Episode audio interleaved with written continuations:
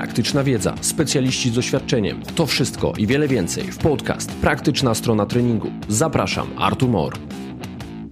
Cześć, dzisiejszym moim gościem lekarz ortopeda traumatolog specjalizujący się w leczeniu schorzeń i urazów kręgosłupa Adam Pala. Cześć Adamie. Cześć.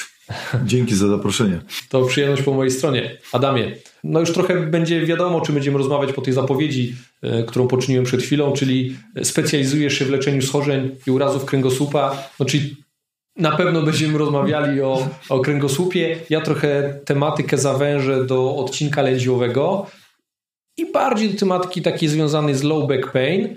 Natomiast pewnie troszeczkę zbłądzimy w lewo i w prawo od tego głównego nurtu. Dlaczego taki motyw miałem, że chciałem z Tobą porozmawiać e, właśnie o low back pain? Problem bardzo powszechny, bardzo popularny, dotykający większość naszego społeczeństwa, większość generalnej populacji. Jakbyśmy sobie różne statystyki próbowali przytaczać, no to 80% generalnej populacji z jakiegoś powodu w którymś momencie swojego życia będzie cierpiało na dolegliwości bólowe w lędziowym odcinku kręgosłupa. No i czy takie statystyki, które ja przytoczyłem, pokrywają się z Twoją pracą w gabinecie? Tak, prawdopodobnie każdego będą bolały plecy. No, czy to jest 80 czy 90%, to, to rzeczywiście raczej tego nigdy nie poznamy, no, chyba że Google nas będzie y, do końca śledził i wprowadzi jakąś taką aplikację. To bóle pleców tak do końca prawdopodobnie też nie będziemy widzieli, z jakiego powodu one są i co możemy nawet mocno diagnozować pacjenta skroś i wszerz a ta przyczyna pozostanie e, nieznana. Możemy pacjentom wykonać wiele badań dynamicznych, obrazowych i to będziemy do końca się kłócić, co jest tą przyczyną tych dolegliwości. No, wystarczy spojrzeć, czy przyczyną bólu pleców jest choroba dyskowa, czy tak zwana dyskopatia, czy, czy raczej choroba e, stawów międzykręgowych czy będzie to choroba stawów krzyżowo-biodrowych, bo one też mogą boleć. No i oczywiście olbrzymia grupa jeszcze chorób y, czy schorzeń jamy brzusznej, to tak naprawdę nie da się tego policzyć. Są, są różne statystyki i, i te badania, badania się różnią w zależności od autorów. No ale wystarczy to powiedzieć, że czy 10% y, czy 30% to staw krzyżowo-biodrowy. No, to jest trzy razy więcej, tak? Czy, czy, to trudno, trudno powiedzieć. Na pewno trzeba badać pacjentów fizykalnie i trzeba ich słuchać. To jest najważniejsza rzecz, którą trzeba robić, żeby zacząć się zajmować y, bólami pleców. No, ja już trochę z Tobą porozmawiałem przed tym podcastem. No jesteś jednym z tych ortopedów, który ogromny nacisk kładzie na ten wywiad i na edukację. To nie jest taki, no nie chcę powiedzieć chleb powszedni, ale to nie jest taka reguła, to nie jest taka rutyna ortopedyczna, że tak dużo rozmawia się z pacjentem i tak duży nacisk na tą rozmowę kładzie, jak, jak to wygląda u Ciebie. Powiem więcej, ja kilku e, swoich pacjentów podopiecznych wysłałem do ciebie i wszyscy oni w ten sam sposób mi raportowali, czyli poczuli się tak dobrze zaopiekowani, doinformowani, jasno im został problem przedstawiony. To jest ważne, bo oni poczuli się pewniej w tej całej dolegliwości, z którą się borykają. A z mojej praktyki zawodowej, i mówię to z pełnym przekonaniem, takie rozmowy, jakie oni odbyli z tobą, nie są regułą w spotkaniach, e, wizytach u ortopedów. Wiesz co, to wynika z dwóch, e, z dwóch przyczyn tutaj. Pierwsze, lekarze e, na tak zwane wizyty specjalistyczne, na tak zwane NFZ, one są mocno ograniczone e, czasowo. Tego. Lekarze są obciążeni pracą, jest, jest, jest presja na to, żeby przyjmowali jak najwięcej pacjentów, żeby wyrobić tak zwane punkty. I tu się gdzieś ten temat y, gubi. To jest jeden, jeden problem. Ja mam szczęście pracować w tym prywatnym sektorze, przynajmniej wizyt, gdzie mogę zobaczyć pacjenta i mam ten czas na, na pacjenta. Stąd mogę się tego pacjenta zapytać i dokładnie go e, zbadać i to jest ten komfort. Druga przyczyna to jest taka, że zmieniło się już podejście do bólów pleców. To już nie jest to, co kiedyś. Po latach, y, z przełomu latach 90. I, i początku naszego obecnego wieku była mocna presja na, na to, żeby operować y, kręgosłupy. To tak y, rozmawialiśmy wcześniej, ten pierwszy podręcznik taki ortopedyczny na, na temat kręgosłupa, który miałem w ręce na temat rehabilitacji czy jakichś innych terapii, miał na, na 600 stron, miał 10 na, na temat rehabilitacji. Teraz najnowszy podręcznik e, ortopedii, który obowiązuje, wydany przez Amerykańską Akademię Ortopedów, na 500 stron ma 400 o, o, leczeniu zachowawczym, a tylko 100 o leczeniu operacyjnym. To jest Proporcje się zmieniły strasznie. Zmieniły się proporcje, dlatego że okazało się, że wydano olbrzymie pieniądze na, na, na leczenie operacyjne, a problem dalej pozostał. I jest, jest, jest taki powrót do właśnie spojrzenia holistycznego na człowieka, co, czyli właściwie sięgamy do XVIII, XIX wieku, kiedy pierwszy raz się takie pojawiły, że trzeba na, na człowieka, na, na jego schorzenia spojrzeć holistycznie, czyli wielopoziomowo. Stąd ja w leczeniu uważam, że, że, że powinno być zaangażowanych bardzo wiele osób, czyli oczywiście lekarz, ale, ale też i często psycholog, psychoterapeuta, bo to jest też ważne, i, i fizjoterapeuta. To są takie trzy ważne rzeczy. I nie pomijajmy nawet administracji, bo administracja też, która to potrafi, która będzie potrafiła to wszystko zorganizować. To są politycy, decydenci, którzy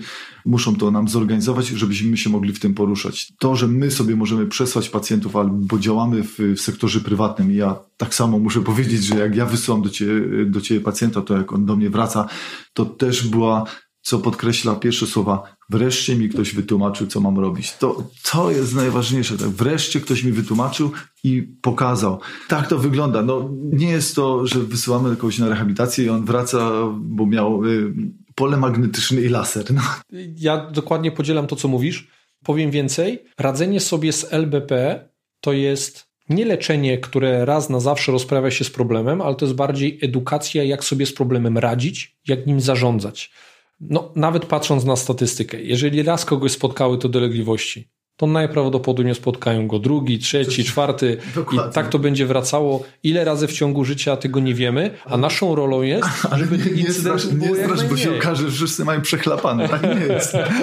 nie, tak nie jest. No ale statystycznie jednak te incydenty lubią e, tak, wracać. oczywiście. Jest to choroba nawrotowa, przewlekła. To właśnie było też dużym niepowodzeniem leczenia operacyjnego, że ono było skupione tylko na, wiadomo, kręgosłup jest, ma, ma złożoną budowę wielopoziomową, wieloprzebugobową a leczenie nasze chirurgiczne może być skupione tam gdzieś na, na jednym poziomie, na jednym punkcie, a problem jest większy, tak? Mhm. I jeżeli, jak ja to mówię, wysiadł czy zużył się jeden dysk, to czemu kolejne się też nie mają, e, nie mają zużyć? I to jest pod warunkiem, że rzeczywiście problemy tego bólu pleców jest rzeczywiście choroba dyskowa, bo często tak też nie jest. No właśnie, z jakimi dolegliwościami trafiają do ciebie najczęściej pacjenci? Moje pytanie jest trochę, ma podłoże takie, że wiem, że pracowałeś w różnych poradniach. Byłeś związany bardziej z generalną populacją, ze sportowcami. Trochę tych ludzi widziałeś i chciałbym, żebyś teraz powiedział, jak wyglądają te dolegliwości skategoryzowane jako u sportowca, u generalnej populacji, co stoi w tle za tymi dolegliwościami, jaki jest powód tak jak mówisz, no, pracuję w różnych, e, w różnych ośrodkach, bardziej w ośrodkach z zacięciem sportowym. Wtedy, tak jak na przykład Galen, jest tam dużo więcej sportowców. Tam trafiają młodzi ludzie i najczęściej i sportowcy. Tutaj najczęściej e, te dolegliwości bólowe, jeżeli nie jest to oczywiście e, ostry uraz, to są to problemy z treningiem. Źle zaprojektowany trening i, i, i to są bóle na, na, na tle zmian przeciążeniowych rzadziej jakieś tam ostre skręcenia. Częstym, A młodzi sportowcy? Młodzi, naj, najczęściej młodzi sportowcy to kręgoszczeliny to są. To jest jakieś 75% dolegliwości bólowych. Jeżeli trafia młody, młody zawodnik, który trenuje już dłuższy, powiedzmy od 7 6 roku życia, Aha. jeżeli on trafia w wieku 15-16 lat z bólami pleców, to najczęściej jest to, jest to kręgoszczelina, czasami już też kręgozmyk. To jest ta, ta właśnie y, grupa sportowców. Druga grupa to młodzi ludzie, nie, nie sportowcy, którzy najczęściej są y, raczej przepukliny, tak? czyli uszkodzenia, rozerwanie pierścienia, wypadnięcie dysku z sekwestracją i to jest druga grupa. I potem y, grupa starszych ludzi po 50 roku życia, najczęściej już to ze zmianami takimi zwyrodnieniowymi, z przewlekłą chorobą zwyrodnieniową kręgosłupa i wtedy też są troszeczkę inne dolegliwości, już, już pojawiają się też kręgozmyki i tak mniej więcej to, mhm. to jest ta grupa. To, to ja sobie teraz pozwolę doprecyzować e, kilka rzeczy, o których powiedziałeś. Dyskopatia, czyli taki najczęstszy chyba problem, który widzimy w obrazie badania obrazowego. A, to, to właśnie, bo to, to jest to, że y, hasło dyskopatia, no co tak naprawdę znaczy, tak? Ta historia dyskopatii ładnie jest, jest, jest, jest pokazana na, na rezonansie magnetycznym. Możemy tutaj wyróżnić te fazy odwodnienia dysku, czy tej dehydratacji i pacjenta mówią sobie, doktorze, mam dehydratację. Następnie ta faza czarnego dysku, czy pęknięcia pierścienia, mhm. czy już potem wypukliny dysku, czy przepukliny, kiedy, kiedy ten materiał y, dysku już wypada do kanału kręgowego z sekwestracją, kiedy wędruje w kanale kręgowym i, i uciska na struktury nerwowe. Mhm. No okej, okay, mamy tą dyskopatię. Problem jest powszechny. Do czego ja zmierzam? bo dyskopatia to nie jest wyrok. Dyskopatia jest na tyle powszechna, że gdybyśmy Z badań poddali... zdrowych to okazuje się, Że są chorzy. że, są, Że że mówimy chorobę. Oczywiście, możemy ich leczyć. I teraz najlepiej, że możemy ich leczyć za każde pieniądze. Sky's the limit. I teraz trafia do ciebie ktoś z taką niewielką dyskopatią. Na ile on jest stygmatyzowany tym opisem? No bo oni często przychodzą, przynajmniej do mnie, już z gotowymi rezonansami. U ciebie oni przychodzą już z gotowymi rezonansami, czy raczej ty im zlecasz jakieś badanie obrazowe? Tak, tak. Oni już y, do mnie trafiają często już y, z, z rezonansem. Z drugiej strony, Z takim wyrokiem, jeżeli, nie? jeżeli pacjent, no, tak, jeżeli, z drugiej strony, jeżeli pacjent do mnie nie przyjdzie z rezonansem, to ja go muszę mu zlecić, tak? To on już do mnie trafia jako do specjalisty i, i przeważnie już ma jakieś tam, jakąś historię. Ja muszę przynajmniej postawić rozpoznanie, że, że, że to jest powiedzmy przyczyna tych dolegliwości. Muszę znaleźć jakąś tą przyczynę. Muszę wyeliminować wszystkie inne i powiedzieć, ok, mamy potwierdzoną dyskopatię, a teraz będzie długa droga przed nami, tak? W jakim to kierunku pójdzie, to, to się okaże. No i czy pacjent już przychodzący z tym, z tym wynikiem y, dyskopatii, z wynikiem rezonansu magnetycznego i siadamy z pacjentem i, i rozmawiamy, co to znaczy ta dyskopatia. Musi poznać pacjent historię, do czego służy nam kręgosłup, tak? Że, że ten kręgosłup ma dwie funkcje główne. Jedna funkcja to jest ochrony neurologicznej i czy ta dyskopatia, czy, czy ten, ta, mu zagraża w, za- zagraża w sensie, czy jest możliwość wystąpienia y, ucisku na struktury nerwowe i to jest dosyć ważna tutaj rzecz, tak? Czy on ma objawy neurologiczne, czy ich nie ma. I czy to jest tylko problem y, u pacjenta tak zwanej dyskopatii i niewydolności mechanicznej, czyli jakby drugiej funkcji kręgosłupa, czyli funkcja mechaniczna, czyli kręgosłup musi jest stanowi podparcie, jest narządem ruchu, czyli musi się też ruszać. I prawda jest taka, że, że najczęściej to jest tutaj zaburzenie tej funkcji ruchowej. No i teraz piłeczka jest do ciebie. No właśnie. No właśnie, co z tym zrobić, tak? I zaczyna się co? No znowu edukacja, tak? Edukacja, edukacja, rozmowa z pacjentem, uspokojenie go, wytłumaczenie mu, na czym to, to polega. Pacjenci chcą słuchać? Czy oni oczekują od ciebie magicznego dotyku, zastrzyku, tabletki, czy tego, żebyś im powiedział, że no nie, to trzeba operować? 25 lat temu, jeżdżąc na rowerze po Lesie Murskowskim, jeżeli spotkałem jedną osobę albo dwie na rowerze, to w weekend to był to sukces. Teraz, jeżeli ja nie spotkam powiedzmy 30, 50, 100 osób, to bym się zdziwił. Obojętnie od pogody mówię. I teraz, ponieważ ta dyskopatia najczęściej, bo, bo mówimy to o młodych ludziach raczej, to teraz ludzie już wiedzą, że, że trzeba ćwiczyć. Oni już są na tak, już, już Okej. biegają, już przecież jeżdżą na tych rowerach, tak? Obojętnie jakich, ale, ale, ale jeżdżą, tak? Biegają obojętnie jak. Czasami słabo technicznie, ale, ale ruszają się I, i tutaj bym nie wyróżniał nawet sportu, ja tylko mówię ruszajcie się I, i oni mają tą świadomość. Teraz jest dużo łatwiej z tymi pacjentami rozmawiać niż nawet 10 lat temu. To jest na pewno, na pewno duża różnica. Ale jak oni mają tą dyskopatię, albo w ogóle Tak, jeszcze sobie jak- uprośmy, low back pain, oni nie, nie mają takiego strachu, obawy przed ruchem? Oni raportują coś takiego? No, oczywiście, że tak, że, że, że, to są, ale to są pojedyncze przypadki tak naprawdę, że, że ludzie boją się ruszać, bo ból się będzie nasilał i tak dalej. To tacy ludzie, którzy ćwiczą, to, czy tam ten, ten ból powstał z powodu właśnie przeciążenia, raczej są w kierunku takim, żeby, żeby się ruszać. Chcą szybko wrócić do ruchu. Wiadomo, ta możliwość y, powrotu do, do, do, sprawności, do ruchu, no, no nie wszyscy się ruszają też, to jest tak. Są, są ludzie przeładowani pracą i, i- i też tutaj właśnie ta, ta, ta edukacja. Znowu wracamy do edukacji, do psychoterapii. Co jest dla ciebie ważne, tak? Niestety to musi się zmienić styl życia, tak? U, u niektórych ludzi. Na pewno młodych ludzi łatwiej zmienić styl życia niż u ludzi starszych. Powiedzenie ludziom starszym, że mają schudnąć, że mają się ruszać jest, jest ok, można im to powiedzieć, ale szans na to, że oni coś zmienią y, nie ma. Istotny. Ty zawsze zlecasz e, badania obrazowe? Nie, jeżeli pacjent ma już y, potwierdzoną historię jakąś, y, czy, czy to miał rezonans dwa lata temu, trzy lata temu, czy, czy... ważne jest, że kiedyś było rozpoznanie. Jeżeli to rozpoznanie jest już raz postawione i ten pacjent do mnie trafia, a nie ma jakichś nowych dolegliwości, nie, nowy, no, nowy problem się nie pojawia, a pacjent nie wie, co robić, to wystarczy tylko przebadać i zrobić do, dobre zalecenia, tak? I, i zacząć go, go po prostu leczyć. Tacy pacjenci, którzy u ciebie są jako u kolejnego specjalisty, oni wcześniej byli dobrze wyedukowani? Do tego zmierzam, na ile Twoje działania, czyli na ile ta rozmowa, edukacja, na ile to, co ja robię w swojej pracy zawodowej, jest czymś powszechnym, a na ile to jest y, jednak cały czas towar deficytowy i na ile ty spotykasz się z ludźmi, którzy już mają tą teczkę z tą samą dolegliwością i de facto ty jesteś w stanie im powiedzieć, no panie, ale ktoś pan już dawno powinien to wszystko powiedzieć, pan ma być na początku pod opieką fizjoterapeuty, potem świadomie zacząć się ruszać pod okiem trenera i ma pan sobie tym zarządzać, a nie przychodzić co chwila do ortopedy z jednym i tym samym, bo sprawa jest do załatwienia, raz, dwa. Masz rację. Z drugiej strony boję się pacjentów z dużą teczką. Duża teczka to świadczy, że albo lekarz dał ciała, albo, albo coś z pacjentem jest, jest, jest, jest, jest, jest, jest nie tak. Oczywiście, tak, to pacjenci krążą, ale już, już, już nie tak często. Już kiedyś krążyli pacjenci częściej, teraz już wydaje mi się, że mniej, że już, już raczej specjaliści edukują pacjentów. Pewnie na wizytach prywatnych, tak, i może nie tak często też na wizytach z NFZ-u, bo, bo lekarze nie mają czasu, tak, no, nie mają czasu, żeby poświęcić 20 minut na taką dobrą edukację, na rozpoznanie problemu, edukację i tak dalej. To, to tak jak mówisz, no, Wystarczy tylko wtedy pacjentowi zalecić, co, co, co ma robić i, i jest, jest, jest szansa na poprawę. Pacjenci oczekują, że ta dyskopatia zniknie, ich to interesuje, czy bardziej interesują ich tylko dolegliwości bólowe? Ja bym tu wyróżnił dwa problemy. Jeżeli mówisz o resorpcji, to najczęściej mówi się o przepuklinach, tak? Czy, mhm. jest, czy jest szansa, że ten dysk, który powoduje stenozę, tak? Czy ucisk na, na, na korzeń, czy powoduje stenozę centralną kanału kręgowego, czyli co znaczy stenoza, zaciśnięcie kanału kręgowego. Czy jest szansa przy, przy świeżej przepuklinie, czy ona się wchłonie? Tak, one się, one się trochę wchłaniają. Jakkolwiek to naprawdę zdarza się, zdarza się wyjątkowo, żeby one się jakoś mocno, całkowicie wchłonęły.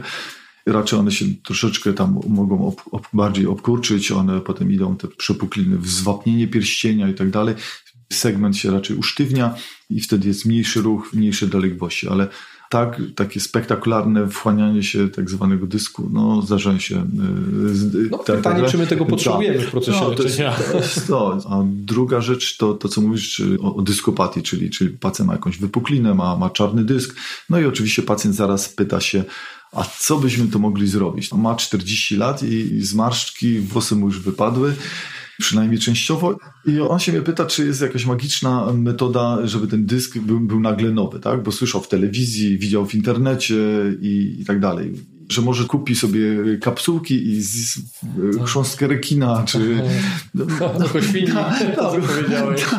Tak, no, przecież to się może zregenerować. Nie, ten dysk się już nie zregeneruje. Z tej dehydratacji on już nigdy się z powrotem e, odpowiednio nie nawodni. Obojętnie ile by ten człowiek e, wody wypił, to on się, ten, ten dysk już nie nawodni z powrotem. Tak się może dziać u młodych ludzi, u młodych sportowców, może się ta hydratacja tego dysku poprawić. Ta dyskopatia to jest proces degeneracji stopniowego zużywania się y, tkanek i już nie ma, nie ma szansy na, na, na powrót. My się starzejemy. Ten dysk się po prostu też starzeje. I tak samo jak, jak, jak mamy chore serce, to nie jemy serca świni, żeby nam się wyrosło nowe, zdrowe serce. I jeżeli ktoś ma problemy z pamięcią, nie je mózgu świni, bo, bo, bo, to, bo to nie ma sensu. Tak samo nie ma sensu jeść kolagen czy, czy pić dużo wody, żeby nam ten dysk z powrotem się wrócił i nie był czarny. Bo to zresztą nie ma, jak, jak powiedziałeś, takiej w ogóle potrzeby. Są też oczywiście metody, już teraz przejdziemy do operacyjnych metod, tak zwane mało inwazyjne. Jest parę takich metod, że wprowadza się do, do przestrzeni międzyczonowej, czy do dysku tak zwane różnego rodzaju żele i te żele mają naciągnąć wodę i one mają dać lepszą amortyzację i, i no, nie jest to do końca sprawdzone. Na pewno przynosi to korzyść y, producentom tych dysków i, i, i tym, co to zakładają, a, ale tak naprawdę nie ma jakoś na to dowodów, że dobra fizjoterapia, dobre ćwiczenia y, nie są, nie są w tym, w tym przypadku y, dużo lepsze. No ale teraz powiedziesz, to się jest naturalny proces starzenia, te zmiany różne degeneracyjne, te patologie, które gdzieś z wiekiem będą powstawały, no jasne, zgadzam się w 100%, tu nie ma co nad tym dyskutować. Natomiast pytanie, na ile obawiamy się takich zmian degeneracyjnych, patologii e, w młodym wieku? Jeszcze może doprecyzuję pytanie, jaki jest jego motyw czy jest tak, że jeżeli ta dyskopatia, jeżeli te wszystkie zmiany, czy zmiany w obrębie stawów międzykręgowych pojawiają się już w młodym wieku, czy to niejako jest wyrokiem na to, co się będzie działo w przyszłości? Czy powinniśmy się tego bać i patrzeć na to tak zero-jedynkowo? To, co rozmawialiśmy wcześniej, to na pewno organizm młodego sportowca jest, czy, czy każdego, który uprawia wyczynowo sport, jest, zużywa się szybciej niż, niż ktoś, kto, kto, kto nie uprawia tego sportu na, na poziomie wyczynowym. I, i to jest bezwarunkowo. No, są badania, jeżeli zrobimy rezonans magnetyczny, to będzie widać, że, że ktoś uprawiał sport i, i to są charakterystyczne objawy, ale czy to ma wpływ na przyszłość? Raczej nie, dlatego że ci, którzy uprawiali sport, na tyle są świetnie wyedukowani, na tyle mają dobrą motorykę, na tyle mają świetnie rozwinięty układ więzadłowo-mięśniowy, że, że u tych pacjentów to jest benefit, tak? Większy procent ludzi, którzy, którzy nie uprawiali sportów ma, ma problemy y, z kręgosłupem niż ludzi, którzy uprawiali sport. I to nawet mają ładniejszy obraz tego kręgosłupa na, w badaniu. Nawet, nawet jeżeli statystycznie w, bada- w rezonansie magnetycznym ten obraz, obraz sportowców jest, jest, jest, jest, jest gorszy. No. Jak często operujesz? Jakbyś tak miał powiedzieć, trafia do ciebie 100 pacjentów. No ilu z tych pacjentów zakwalifikujesz do zabiegu? To w zależności jaka poradnia i tak dalej, to, to no dobra. o tylu zależy. My możemy mówić o wskazaniach, tak? I teraz jeżeli my mówimy o przepuklinie dysku, tak, to mogę ci powiedzieć, jakie jest postępowanie, tak? Czyli jeżeli zgłasza się do mnie pacjent z ostrą przepukliną dysku i Oczywiście już mamy rezonans magnetyczny, ja widzę, że jest przepuklina dysku, ten materiał wypadł, jest konflikt, tak, jest ucisk na, na, na nerw w badaniu, w rezonansie. Oglądam pacjenta. Jeżeli ten pacjent nie ma de deficytów neurologicznych, jeżeli on nie ma żadnego niedowładu, to ten pacjent w ciągu 8 do 10 tygodni ma 96% szans, żeby przez rehabilitację, przez leki, przez, przez terapię manualną, przez ćwiczenia ma szansę uniknąć operacji, tak? I ja na dzień dobry to takie coś pacjentowi mówię i go żegnam, tak? Żegnam się z nim na, na, na jakieś 8 tygodni. Korzystają z tego, z tej rady? Oczywiście, że tak, z edukacją, tak? Że jeżeli będzie gorzej, że jeżeli się pojawią objawy neurologiczne, tak? Czyli osłabienie siły w nogach, czy, czy tam zaburzenia czucia poważne, to wtedy trzeba będzie ten, taką operację y, wykonać, odbarczenia właśnie struktur nerwowych jeżeli nie ma, jakby to powiedzieć, tych objawów neurologicznych, nie ma wskazań do, do tego, żeby operować ostre bóle kręgosłupa spowodowanych dyskopatią czy nawet przepukliną, e, przepukliną dysku. To jest to 96%, tak, którzy tych pacjentów w ogóle nie wraca, tak? Po tych 8-10 tygodniach oni już, te dolegliwości na tyle są małe, że, że, że, że oni się dalej tam rehabilitują i w ciągu 16 tygodni powinni być bez. Jeżeli natomiast ten, ten, pacjent po tych 8, 10, 12 tygodniach wraca, to znowu szansa na to, że mu się jakoś znacząco poprawi, diametralnie spada, tak? I te, te proporcje się znowu, znowu odwracają i wtedy już trzeba zastanowić się nad tym, czy jednak nie wejść tutaj z tym e, leczeniem e, operacyjnym. Nie wiem, czy da się powiedzieć większej frazę. Każda operacja kończy się sukcesem? Oczywiście, że tak. Ja mogę powiedzieć drugą stronę. Czy każde mycie włosów yy, kończy się tym, że, że, że szampon nie wpada do oczu, tak? No, myjemy własną głowę, tak? Własne, własne włosy, a jednak czasami ten szampon do naszych oczu wpada. Jest, jest tutaj wiele jakby to czynników, które mogą na to wpłynąć.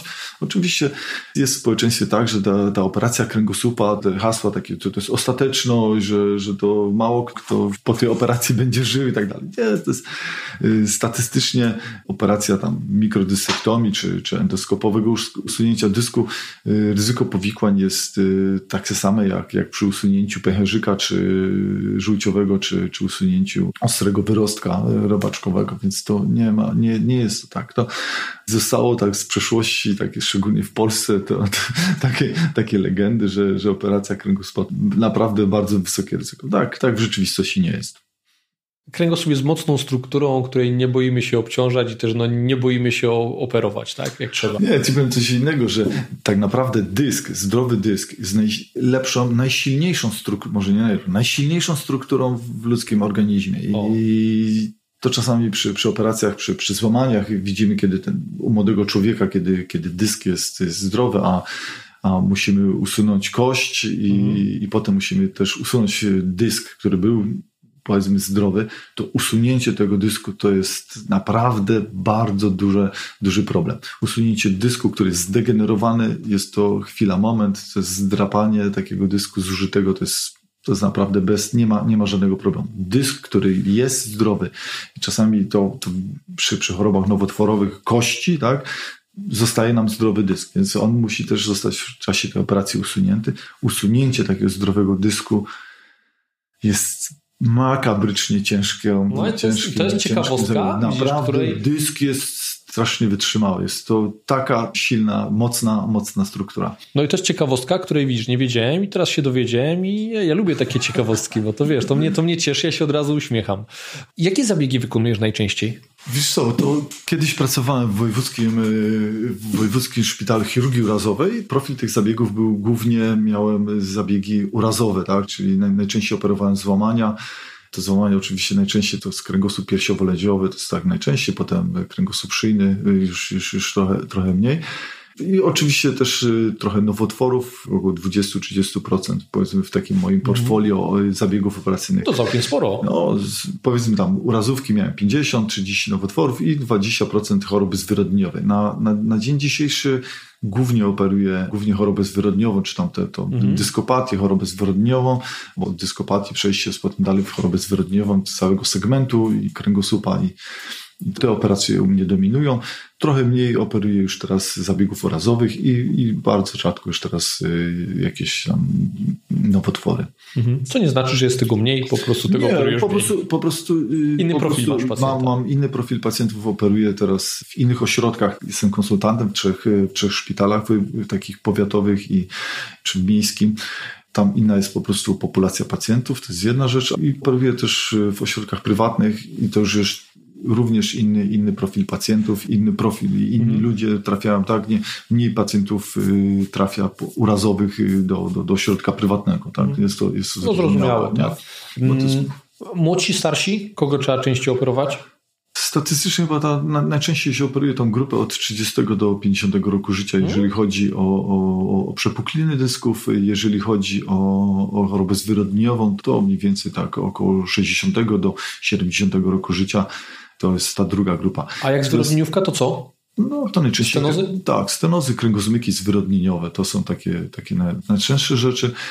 Kiedyś, e, naście lat temu, gdy, gdy byłem w Szwajcarii na, na, na stażu, jak, jak widziałem, że tam operują pacjentów po 70-80 lat, to, to, mówię, że to u nas nigdy nie będzie możliwe. A, A czemu? Bo nie było takich pacjentów u nas, tak? Nie widzieliśmy tych pacjentów. Ludzie te, te naście lat temu, 20-15 lat temu w wieku 70-80 lat nie, nie byli tacy aktywni, tak? nie, nie, nie mieli takich oczekiwań od, od, od życia. Teraz Czyli to ci, wynika z oczekiwań, co? Tak, ci, ci pacjenci, przy, a, przede wszystkim ludzie dłużej żyją. To, to możemy, możemy zaprzeczać, że o, tam jeden dziadek tam, bo on już takich nie produkuje. Nieprawda. Teraz ludzie, ludzie żyją coraz dłużej. Jest tych, tych ludzi coraz więcej. Zmienia się to, co obserwuję na oddziałach ortopedycznych, zmienia się profil w ogóle pacjenta urazowego. Teraz najczęściej pacjentem urazowym jest nie młody człowiek, tak jak tutaj mieliśmy na Śląsku nawet 15-20 lat temu, typowy profil pacjenta urazowego to był młody człowiek, który miał uraz y, w przemyśle. Tak? Teraz najczęstszym urazem jest y, złamanie szyjki kości udowej u starszej pani, tak? czy 80-70-latka, a nawet i 90-latka. Tak? Ci pacjenci dominują teraz na, na oddziałach ortopedycznych. Oczywiście i sportowcy, tak, uszkodzenie więzadeł krzyżowych i tak dalej, ale nie w takim stopniu jak, jak, jak, jak kiedyś. Mhm. No, to są takie ciekawostki, których nie zawsze fizjoterapeuci wiedzą. Ja, ja lubię, jak ktoś z innej specjalizacji je sprzedaje, bo to jest taka wartość dodana, to, to jest bezcenne, bo o tym trzeba usłyszeć. Nie? Bo tak. to, tymi informacjami warto się wymieniać między specjalizacjami. Nie? To, Parę rzeczy powiedziałeś, o których nie miałem pojęcia. No, to jest to, co mówiłem o tej administracji, o tym wspólnym zarządzaniu, że, że ta administracja może, może jeszcze, nie, nie, nie wiem jak, jak, jak, jak ty, bo ty też zajmujesz się z młodymi ludźmi, ale myślę, że rehabilitanci już, już to widzą, tak? że, że, że jeżdżą do tych starszych ludzi, y, ich rehabilitować po domach, tak? tych, tych ludzi, którzy mieli operowany staw biodrowy z powodu powodu złamania, czy tam najczęściej z towarzyszącą osteoporozą oczywiście, złamania przeskrętarzowego, czy szyjki, złamania w obrębie biodra, mhm. generalnie. Więc jeżeli ktoś nas z młodych słucha, to jest ta przyszłość. To są, to są pacjenci na, na, pewno, na pewno jest to otwierający się rynek yy, starszych osób, które, które będą miały złamanie w obrębie stawu biodrowego i będą miały złamanie w obrębie kręgosłupa lędźwiowego.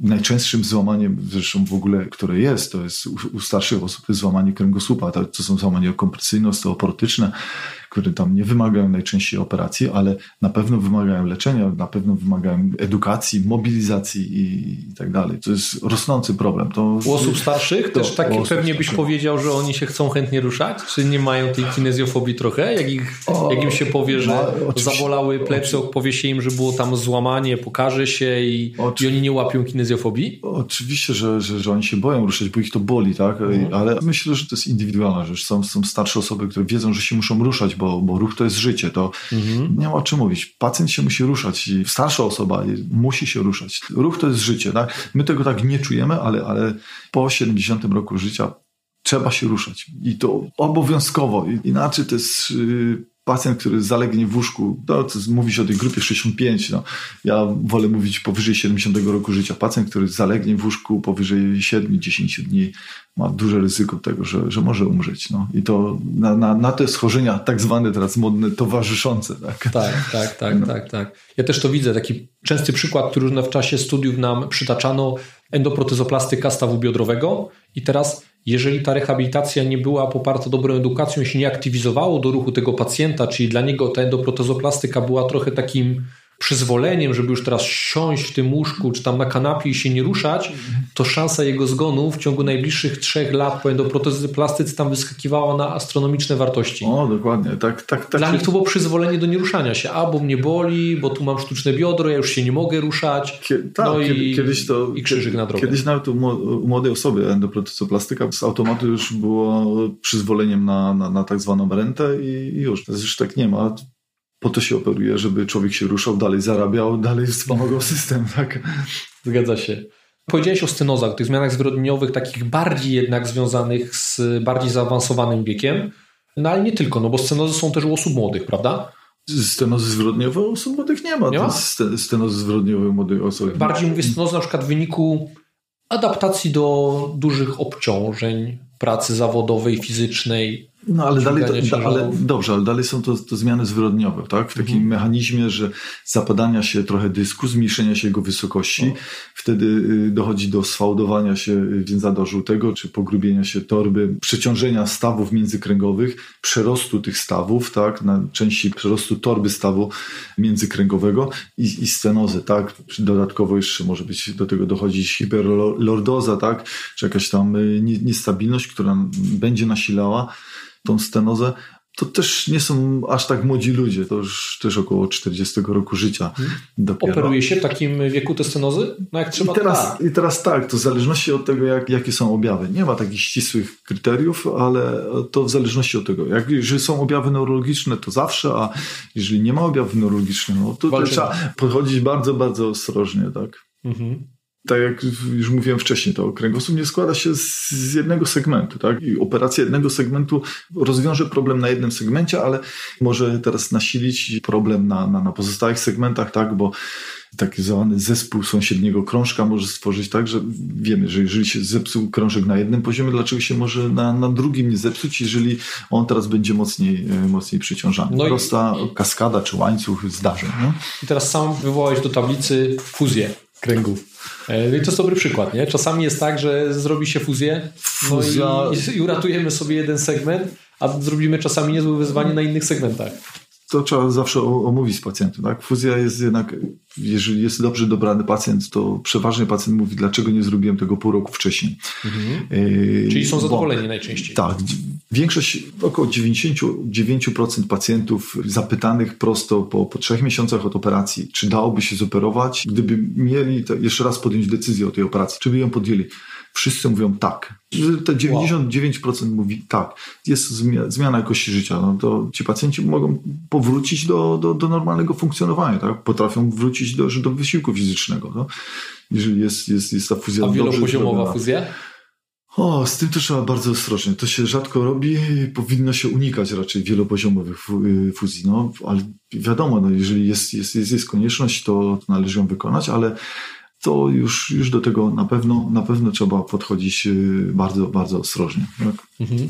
Bo to rzeczywiście takie wielopoziomowe fuzje mogą nasilać dolegliwości. Tak? I w zależności od tego, zresztą jaką aktywność pacjent chce dalej prowadzić po zabiegu, no jakie, jakie ma oczekiwania i tak dalej, i tak dalej. Mhm. Jakie jeszcze zabiegi wykonujesz na kręgosłupie? Mikrodystektomie?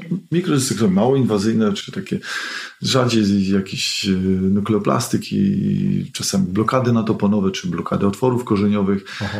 czy takie jakby celowane podawanie leków e, do kanału kręgowego celem zagodzenia dolegliwości, czy wspomagania tego procesu rehabilitacyjnego czy czasem, żeby zdiagnozować, czy rzeczywiście to jest problem dysku, czy rzeczywiście problem jest z kręgosłupa. No, jeżeli wyłączymy kręgosłup, to powinno pomóc. Jeżeli nie pomaga, no to jednak może problem jest, jest, jest gdzieś indziej. Tak? Taka rzecz, która mnie ciekawi.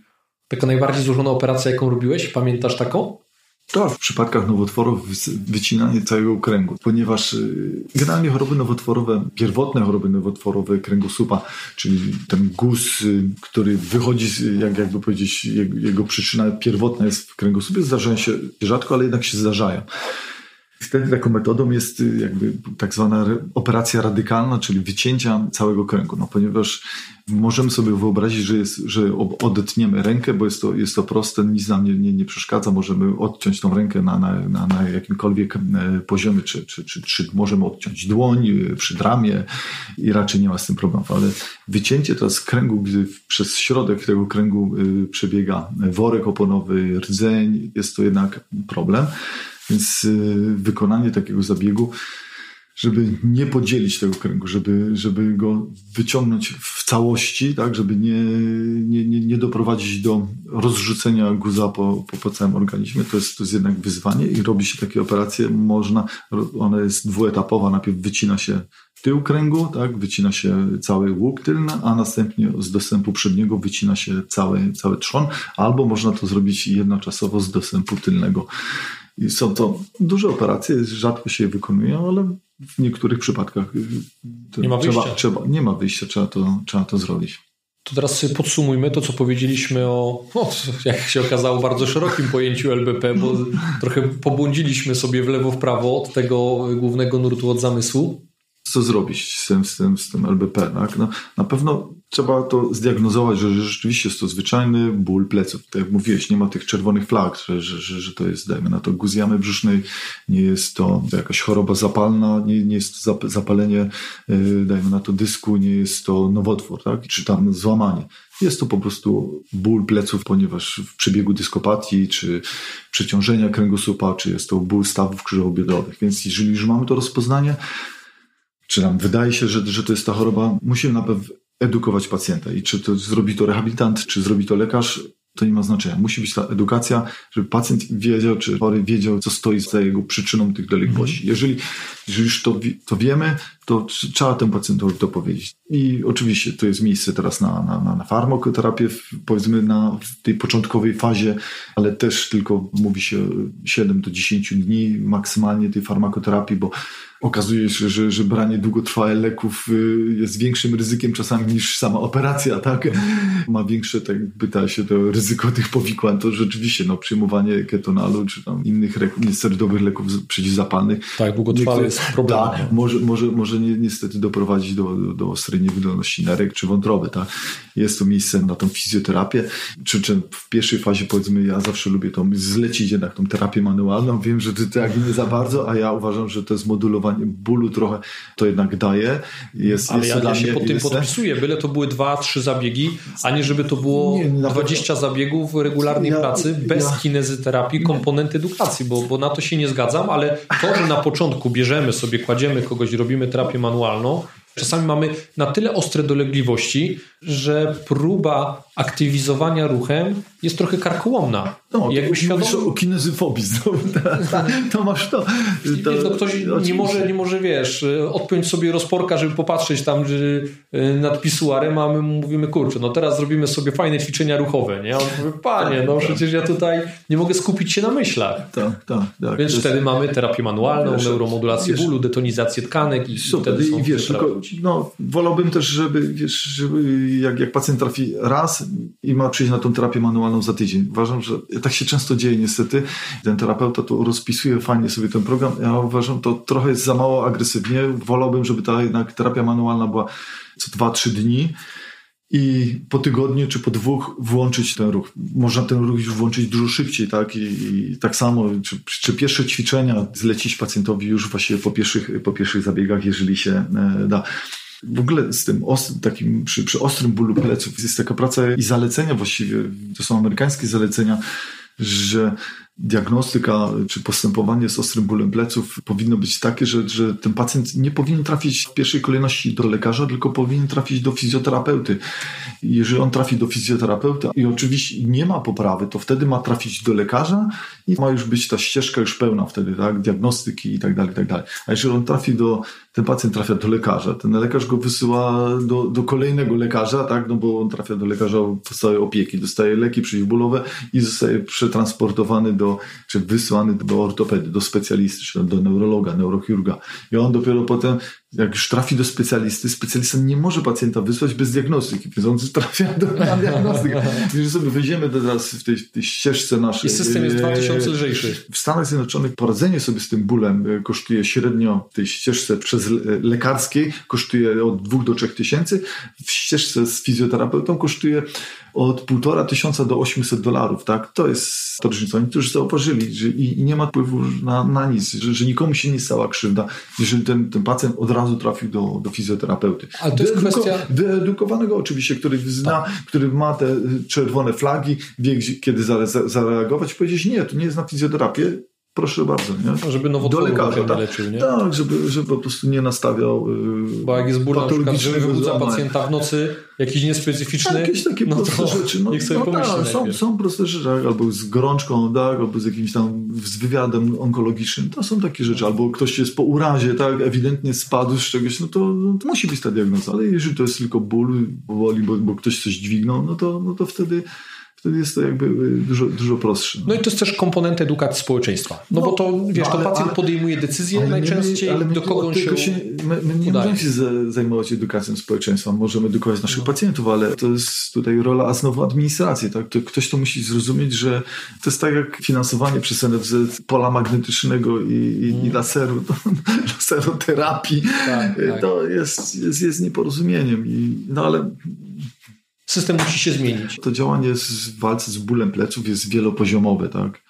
Mhm. No, może nie tyle w walce, bo to nie nazywajmy niczym walką, ale, ale, ale, ale, próbą zredukowania kosztów, bo to są, to są olbrzymie koszty. Ci, ci pacjenci, tak, jeżeli on trafi na taką ścieżkę lekarską, no to taki pacjent może być i trzy miesiące na L4, tak? I dalej jest w tym samym momencie i z tym samym problemem, z rezonansem pięknym i tak dalej w ręce, a dalej on przez trzy miesiące nie przychodzi do pracy. Pracodawca ma problem, ten pacjent ma problem. Mhm. W systemach takich, jak, jak jest w Polsce, kiedy jest płacone L4, to zachęcamy wręcz y, pacjentów do tego, żeby, żeby chorowali, tak? Ludzie, którzy są na działalności gospodarczej już tak chętnie nie chorują, tak? Już tak, tak. chętnie tego, tego L4 nie biorą. To prawda.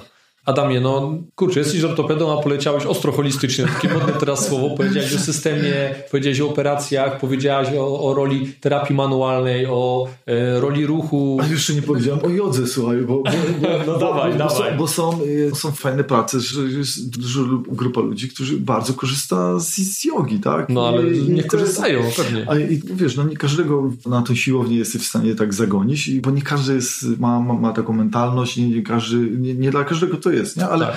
są osoby jakby takiej, czy więcej kobiet i delikatniejszej e, jakby konstrukcji, czy konstytucji, więc ta yoga, tak, jest, jest rewelacyjna. No, te techniki, dobry, techniki no. wiesz, wiesz, relaksacji, oddychania i, i napełniania tak, ćwiczeń są, są, są genialne. Ta, ta yoga też ma wielosetletnie doświadczenie i ten nurt i te ćwiczenia są wypracowane przez e, metodą prób tak? tak, no ale, ale to to, tak jest. Zielarstwo tak samo powstało, tak? Ja podzielam to. Każda forma ruchu jest dobra, jeżeli tam jest komponenta kilku cech motorycznych w tym ruchu, czyli komponenta siły, gibkości, jakiejś tam wytrzymałości, komponent edukacji, no to jest super. Tak? Im więcej tego poczynimy, im jakiś model stworzymy, który to wszystko zawiera, tym lepiej, także ja się pod tym podpisuję. No i teraz tak, to co dzisiaj powiedziałeś, to będzie i dla pacjentów fajne, i dla fizjoterapeutów. E, dla mnie było fajne, bo kilku rzeczy takich z Twojej praktyki zawodowej się dowiedziałem, także myślę, że to będzie fajna wartość. Adamie, bardzo dziękuję za poświęcony czas i mam nadzieję do kolejnej równie owocnej rozmowy. Ja, dziękuję bardzo. Cześć. Na razie, cześć.